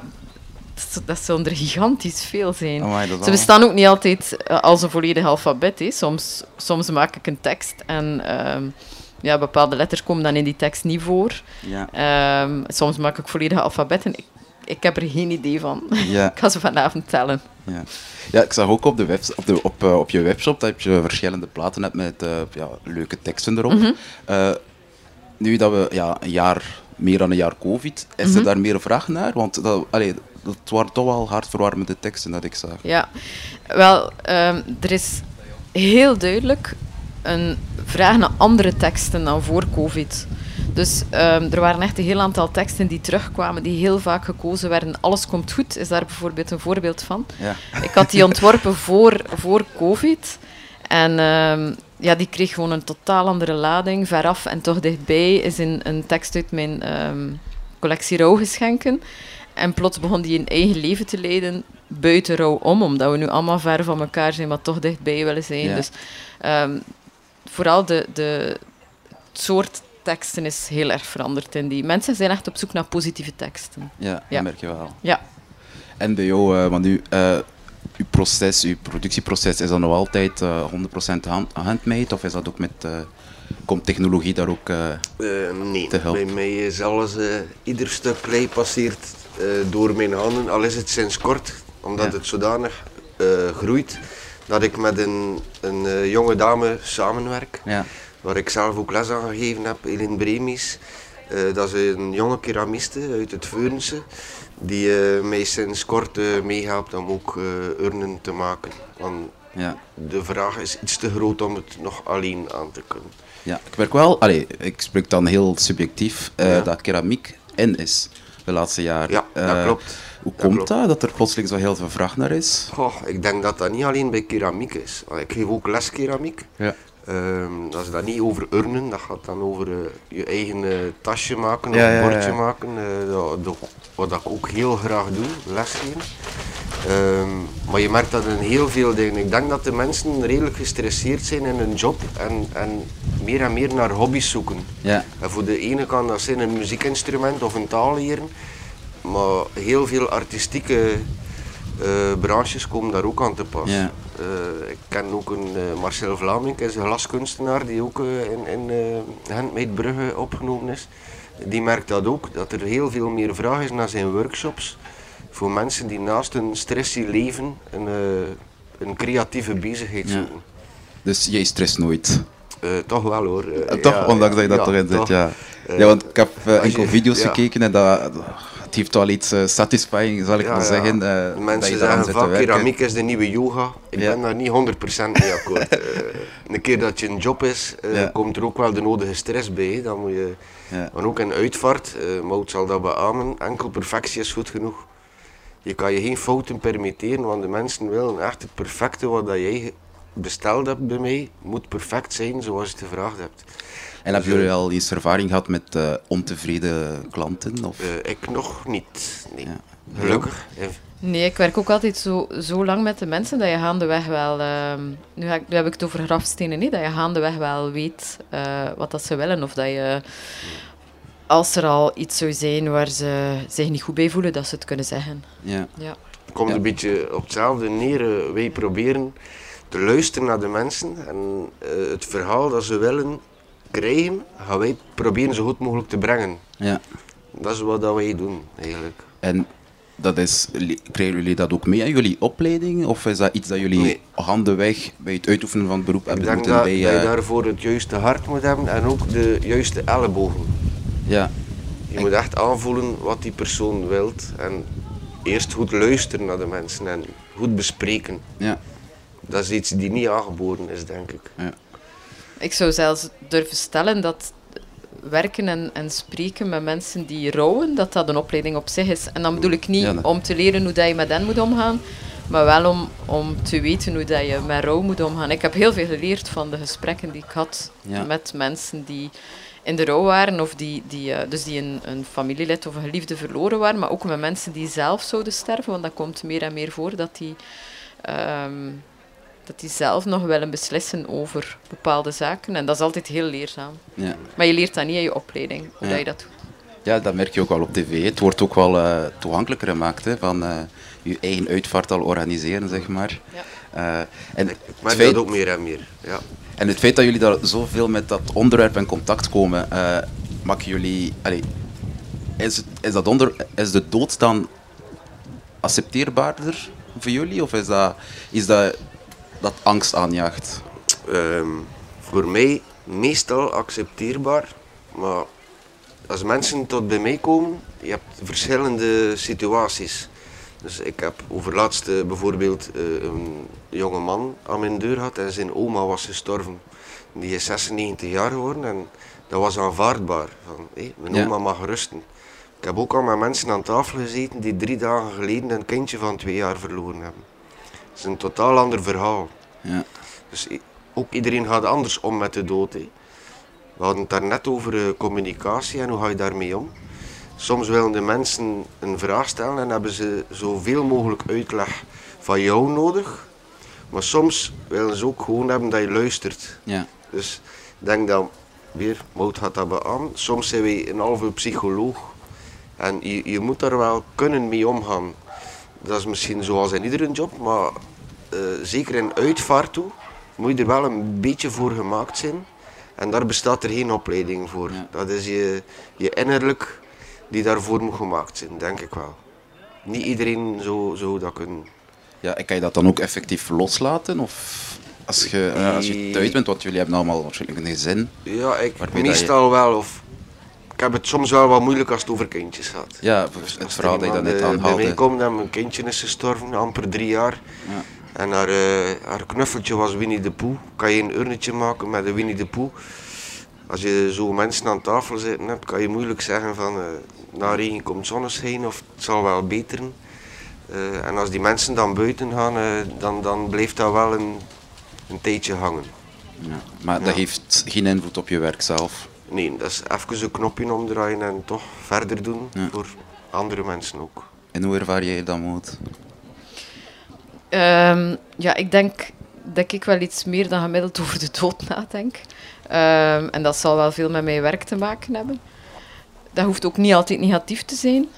Ehm, maar het houdt mij soms wel meer dan, dan normaal bezig, dat wel. Ja. Ja. En eh, ja, ik heb nog een vraagje voor u, nu. Ja, nog veel vragen eigenlijk. Ja, Eh, doe maar, doe ik zie daar drie mooie uren staan. Eh, Ja. Kan je daar ons meer over vertellen? Want het, zit daar, het middenste stuk, als ik me niet vergis, is een samenwerking van jullie twee. Ja, ja. Dat is eigenlijk een urn dat ik... ik heb die urn gemaakt. Ja. En Mout heeft met haar letterkunst, haar calligrafie, Ja. de letters ontworpen. En ik plaats dan die letters op een... Ik ga niet de technische kant helemaal uitleggen, want Ja. anders zitten we hier binnen drie uur nog. Ehm, maar ik heb op een of andere manier die letters van ontworpen door Mout eh, in die urn geplaatst. Ja. Dus je maakt de urne en dan stuur je dat door aan Ja. En moed, moed welke, welke lettertype is dat? Dat is eh, geen lettertype, dat is, dat is een letter die ik met de hand met platpenseel en verf Ja. eh, Ah. geschreven heb. Ja, dat is calligrafie. eh, ja. ja. Wauw. Ja, maar ik heb die wel moeten vectoriseren, omzetten naar een computerontwerp, om, eh, maar dat is inderdaad al zeer technisch, Ja. Ja. om die te kunnen overzetten in de urne. Ja. Maar het is dus ehm, ja, echt specifiek voor die urne geschreven met platpenseel. En, en werken jullie vaak samen?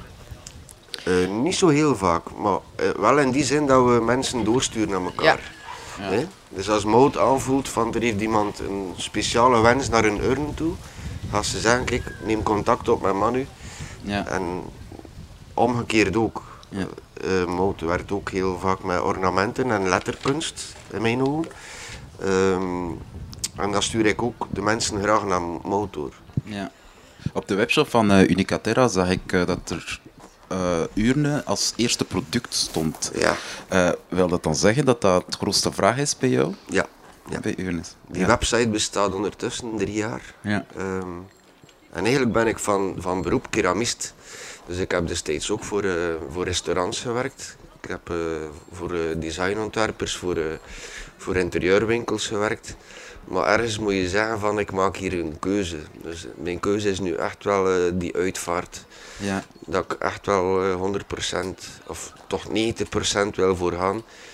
Ik heb heel veel collega-keramisten die kan plezier doen als er een restaurant 30 borden bestelt bijvoorbeeld. En Ja. dat kan aanbrengen naar die klant van eh, kijk, ik doe dat eventjes niet. Ofwel ga je moeten eh, een jaar wachten.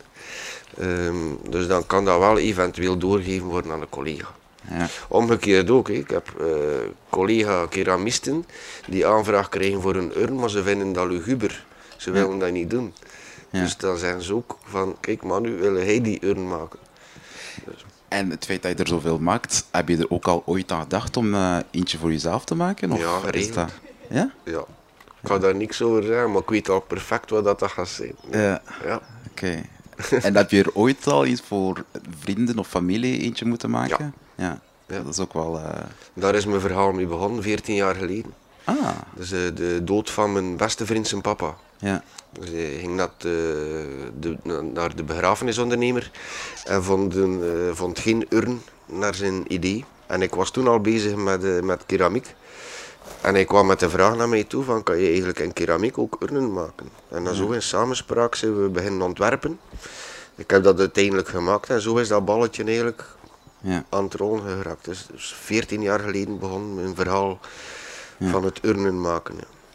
Oké, dan eh, ga ik terug naar mode. eh, en eh, denk, dat heb ik ook gelezen op de website. eh, ik zal je citeren. Kunstwerken en opdracht maak ik zelden. Ik heb creatieve vrijheid nodig om mezelf artistiek te ontplooien. Eh, hoe belangrijk is het gebruik van de juiste woorden in je werken? Ja, ontzettend belangrijk. Ja. Dus, eh, ehm, ja, meestal zegt dat wel iets over waar dat ik op dat moment mee bezig ben of waar dat ik op dat moment vooral naar kijk. Ehm, ja, ik ga heel zorgvuldig om mijn woorden, dus ik ga, ik ga niet zomaar iets in steen houden. Ehm, zeker niet bij, bij, artistiek vrijwerk. Ga ik echt op zoek naar de woorden die de juiste lading hebben. Ehm, soms laat ik ze schrijven, soms zijn Ja. bestaande teksten. eh, maar ik- ja, woorden zijn alles voor mij Ja. natuurlijk. En welke waarden zijn verbonden aan je creatieve vrijheid? Wanneer weet je van, ja, dat is wat ik wil. Dit- Bedoel je nu tekst woord. of in het algemeen? Ja, tekst. Tekst. ehm, ik weet dat vaak op het moment zelf niet. Ik hou natuurlijk heel veel teksten bij. En ehm, in het letterhuis, waar, dat ik, eh, waar dat mijn werk tentoonstel, dat is heel fijn. Dat is een huis in Brugge waar ik alle werk zet. En dan om de zoveel maak ik daar een, eh, een tentoonstelling. En meestal is het zo, als ik dan zelf de tentoonstelling bekijk, dan zie ik van waaruit dat kwam. Ja. Eh, dan zie ik dat bijvoorbeeld allemaal ehm, redelijk politiek geladen was. Of net helemaal niet. Ja, op het moment zelf, als ik een tekst vind, ehm, dan, dan voel ik van oké, dat is wat ik wil zeggen nu. Ehm, soms werk ik ook omgekeerd. Start ik met een steen, een, een materie en eh, vind ik dan een tekst die daar perfect bij aansluit. Ja. Dus er zijn echt verschillende mogelijkheden om tot een tekst te komen en te voelen dat het goed zit. Ja, dus het is geen bandwerk, het is niet zo van het is klaar, hup, uitsturen, je Nee, het meestal nee. af en dan Ja. doe je een soort eh, introspectie achteraf van hoe kwam ik daarop op dat moment. Ja, en wat dat er ook wel leuk is, is dat dat meestal een verhaal vormt. Dus één tekst in bijvoorbeeld een steen blijkt dan aansluiting te vinden bij een andere tekst of een woord in metaal waar dat ik mee bezig ben. Dus ik vertel wel een verhaal, maar ik ben er niet altijd zo bewust mee bezig op het moment dat ik kan. Dus het verhaal komt aldoende en eh, is dan te lezen in de tentoonstelling. En dat is fantastisch. Als dat gebeurt, dat is, dat is het leukste van mijn job. Ja. Ja. Is eh, daaraan dat je voldoening eh, uit je job haalt dan? Helemaal. zeggen? Ja. Ja. Ja. daar kan ik volledig in verdwijnen. Ja. Ja. En bij jou Manu, waaruit haal je voldoening in je job? Eh, uit het resultaat. Ja. Dus als er iemand bij mij komt met een speciale wens, en eh, nadien krijg je dan de, de feedback van wauw, of soms beginnen de mensen zelfs te huilen. Dat zijn dan tranen eh, in, dat is een combinatie van verdriet en vreugde op dat moment. Ja. En op die moment weet je van ik heb mijn job goed gedaan. Daaruit haal ik mijn voldoening. Dus kan ik, kan ik stellen eigenlijk als een werk af is dat jij neutraal en eh, aan de hand van de feedback van de klanten dat je dan tevreden bent of niet? Of heb je al eens een ervaring gehad waarbij dat volgens jou het werk volledig goed was? Maar dat Dat heb ik nooit. Oké. Nee, ik heb dat nooit. Dat is, dat is mooi hè? Ja. Dat, ja, de smaken kunnen Ik verschillen. ga heel dus, eh, vaak vragen aan mijn vrouw, van, wat vind je daarvan? Eh, vind je dat goed? Vind je Ja. dat... Eh, ik ben altijd wel een beetje onzeker, maar toch komt het iedere keer goed. Iedere Ja. keer. Ik heb nog, eigenlijk nog nooit gehad dat, ze, dat de mensen zeggen van dat was totaal niet wat ik verwacht had. Of. Maar daarvoor heb je ook een heel goed voorgesprek nodig. Ja, ja, inderdaad. Maar, ik denk dat dat een beetje eigen is aan mensen die creatief zijn. Niemand is 100% Ja. tevreden van wat dat hij doet. Allee, ik weet niet of dat, dat bij jou ook zo is. Ja, en zeker op het moment dat je weet dat de blik van de ander eraan komt. Hè, dan, Ja, dan ja. op het moment dat iemand anders gaat kijken, dan word je heel erg onzeker. Spanningsgevoel Ja, zo. En, eh. Maar als ze het dan zeggen van wauw, en zelfs traantjes laten, dan weet ik van ik heb mijn job goed gedaan. Ja. En dat is maar één keer dat je dat maakt, een, uur. Dat is niet bij sommige modellen dat je zegt van oké, dat is wel een heel mooi model, ik ga er nog een paar maken. Ja, dat gebeurt ook. hè. Want ik werk ook ehm, voor eh, begrafenisondernemers. Ja. Dus je ziet hier nu drie modellen staan. Op de luisteraars natuurlijk niet, de kijkers zien ze staan. Maar als er een begrafenisondernemer dat model wil, en vraagt aan mij van ik wil er vijf, maar in verschillende vormen bijvoorbeeld, dan ga ik dat ook gaan doen. Ja.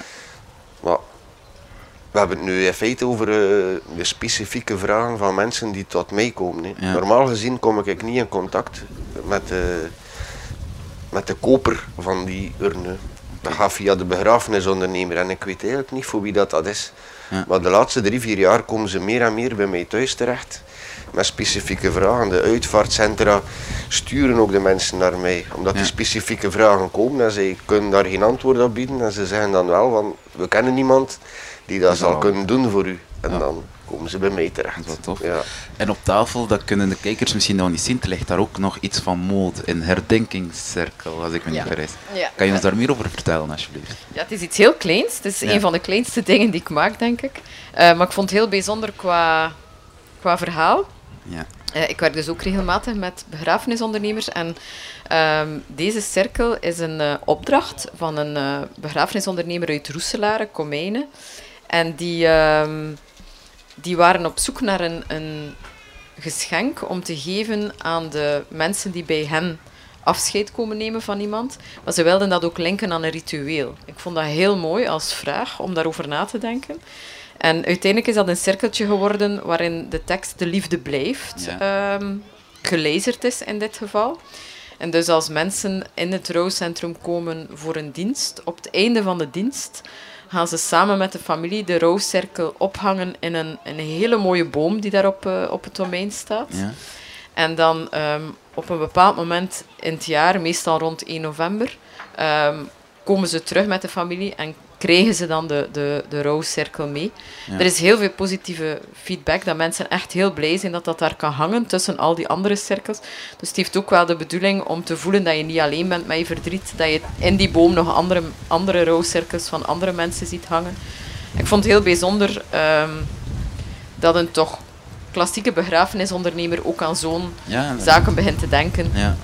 Is er een soort eh, switch van generatie dat je merkt dat het anders wordt omgegaan met het trouwen? Dat het een andere vorm krijgt als eh, in uw beginjaren? Of...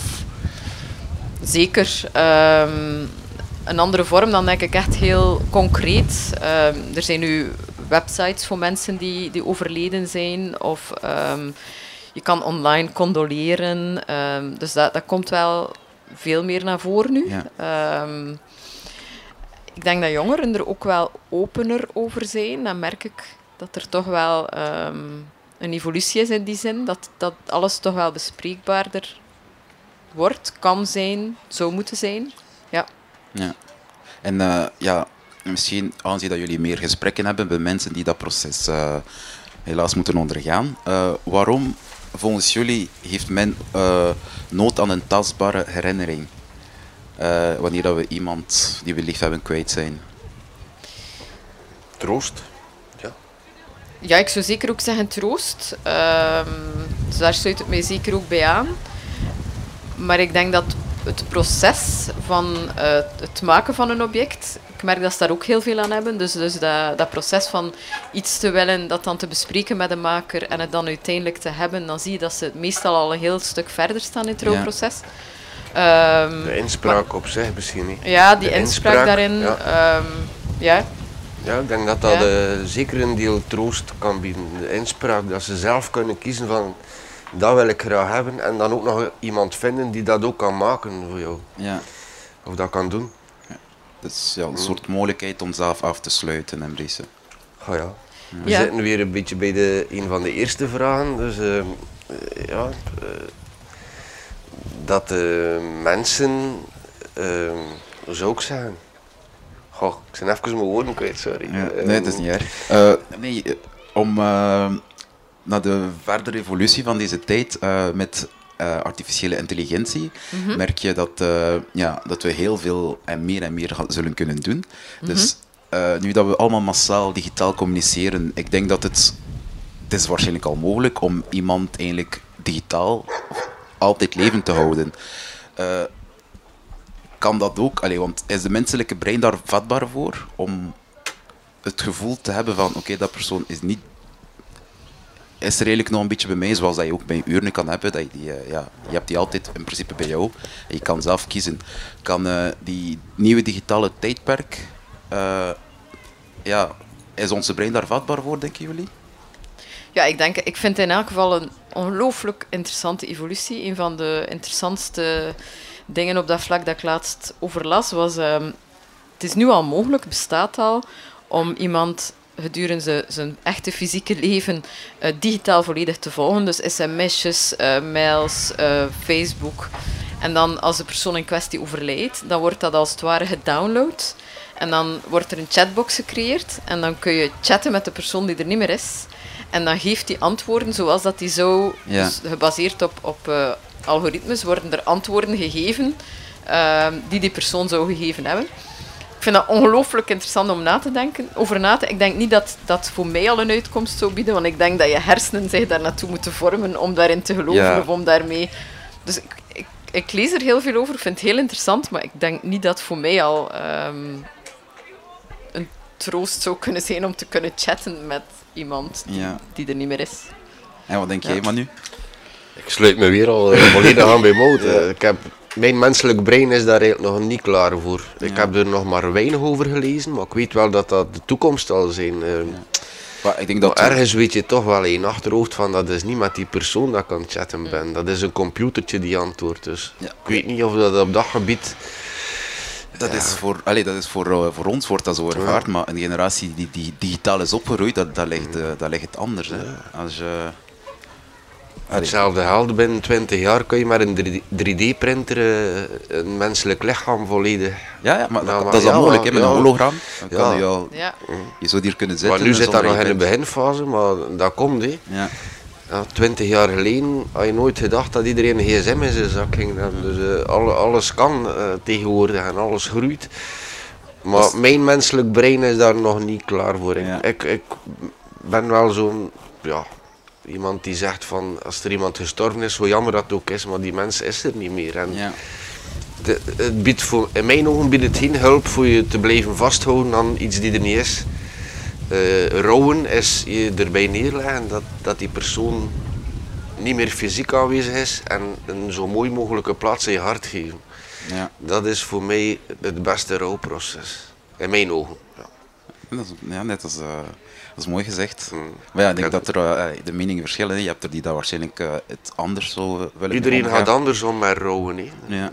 Ja, mensen die toeklappen, die, eh, die zich in zichzelf opsluiten. Ja, mensen die er heel veel willen over praten. Ehm, dus iedere persoon is anders. Ja, ondertussen heb je daar voldoende ervaring mee. Ja, dat is waar. Ja. Eh, Zoals dat ik al zei, eh, op den duur ben je eigenlijk een beetje een, een halve psycholoog. Als je veel met zo'n mensen in contact komt. Ja. En hebben jullie zelf angst van de dood? Of voor de dood? Ik niet. Ik niet. En nu ga ik het cliché der clichés eh, vertellen. Ik heb e- enkel angst voor de mensen die nablijven. Ja. Ik heb vrienden, familie, broers, vrouw, kinderen. Ja, ja. Ehm, voor de mensen die achterblijven, heb ik meer angst om die mensen verdriet aan te doen dan voor mezelf. Voor, voor mij persoonlijk is de dood, is, daar stopt het. Het is gedaan, er is niks na de dood voor mij. Ja. Dat is mijn persoonlijke opvatting. Dus voor mezelf heb ik geen angst, nee. Nee. En uw naasten eh, kwijt, allee, uw naasten... Daar heb ik meer schrik van. Ja. Ja. Oh, ja. De Moest, dood van uw angsten, Ja, van uw naasten, moest er, ja, ik heb het jammer genoeg al een, paar keer meegemaakt. Dus Ja. eh, als er een familielid of eh, zo eh, overleed, ik heb gelukkig nog mijn ouders, mijn broers, mijn vrouw, mijn kinderen. Maar Ja. moest er daar iets mee gebeuren of ze komen te sterven, oh, dat zou heavy zijn voor mij. Daar heb ik wel meer angst voor dan voor mijn eigen dood, zeker. En kunnen jullie ergens ook terecht met al die verhalen wat jullie te verwerken krijgen in principe? Want In, ja, in mijn geval is dat in huiselijke kring. Ja. Dus eh, als er eh, bezoek geweest is bij mij en ik heb het even moeilijk, kan ik daar met mijn vrouw eh, wel een keer over praten. Zo. Ja. ja. En bij jou, Moot, angst voor de dood? Eh, ja. Ja. ja, ik vond jouw, mis- jouw verspreking daarnet wel mooi. De dood van mijn angsten, zei je. Dat vond ik wel... eh Ja. Dat mogelijk zijn, dat ik had- wel... eh, ik had er niet op gelet. Ja. Moot op beeld is wat we nog Ja. Moot is altijd wakker. Ja. Eh, dat is eentje om mijn steen te kappen, denk ik. De dood van mijn angsten. Eh, ik ben niet bang voor mijn eigen dood, maar ik ben wel heel erg bang voor de dood van de mensen rondom mij. Ja. Ehm, ja, dat wel. Nou wel. Ja. En eh, zijn er tips die je zeker wilt meegeven aan eh, jongeren die, eh, die twijfelen welke weg dat ze willen opgaan in hun leven in een artistieke veld willen ingaan? Want dat is ook wel heel moeilijk. Allee, het biedt minder zekerheden dan, ik wil maar zeggen, het normale commerciële leven pad kiezen. Hoe was, dat, hoe was dat bij jullie bijvoorbeeld om die keuze te maken van oké, eh, ik ga die risico aangaan, ik ga kiezen daarvoor en ik zal wel zien hoe dat het... eh, Ik was zo jong, en dat wens ik de andere jongeren ook toe. Ik was zo jong dat ik eh, niet heb nagedacht. Ja. Dus dat ik ook niet bang was om... om bedoel, ik, ik zag de risico's niet. Ik was twintig als ik zelfstandig werd. En ik weet dat er een, een handse ploeg familieleden achter mij waarschijnlijk wel de risico's zag, maar ik niet. Ik ben gewoon gesprongen en ik wou dat doen en ik was er heel erg door gepassioneerd. Dus passie, denk ik, Ja. zou ik ze wel toewensen. En ehm, ja, ik denk dat er sowieso, dat klinkt nu negatiever dan dat ik het bedoel, maar dat er sowieso geen zekerheden zijn voor de toekomst waarin dat wij nu leven. Dus dan kun je maar even goed voor iets onzekers gaan. Ja, ja. Zoiets. hopelijk zonder toekomst, eh, zonder, eh, zonder masker die toekomst. En eh, voor jou Manu, heb jij nog tips dat je wilt meegeven? Ja, de- om te beginnen, zeker het woordje dat Mout ook net genoemd heeft, passie. Ja. Zekere passie, gedrevenheid. En ik zou toch, je hebt geen zekerheden, maar ik zou toch eventjes nadenken, eh bezint eer je begint. Ja. En als je ervoor gaat, maar dat in alles in het leven zo denk ik, eh, als je ervoor gaat, ga er 100% voor. Ja. Je moet er ook mee rekening houden, als je zelfstandig bent, dat je ehm, niet 9 to 5 werkt. Dus dat je het ook moet kunnen opbrengen van een keer een uurtje vroeger te beginnen of een keer twee uurtjes later te... Ja. Ik ben nu nog eh, relatief rustig, maar sommige dagen zijn echt wel heavy, als je met deadlines zit en zo. Maar de passie, is, eh, passie voor je vak is echt wel eh, heel belangrijk. Ik ben daar trouwens mijn ouders heel dankbaar voor. Want dat is niet evident. Ik was toen 14 jaar dat ik eh, overgeschakeld ben van het eh, algemeen secundair onderwijs naar het kunstonderwijs. Ja. En ik heb die toelating gekregen van mijn ouders. En ik ben hun daar tot op de dag van vandaag nog altijd heel dankbaar voor. Want veel mama's en papa's zouden zeggen, ja, niks van. ehm, je moet een studie doen en je gaat daar nooit niks mee bereiken. Ja, ja, ja, dat, dat, dat kan, hè. Maar ik heb wel do- doorgebeten en ik heb er wel iets mee bereikt. Dus Ja. Ik ben heel dankbaar naar mijn ouders toe dat ik die kansen gekregen heb. Oké. En eh, welke culturen krijgen jullie vaak over de vloer? Is dat dan iets meer divers of merken jullie dat...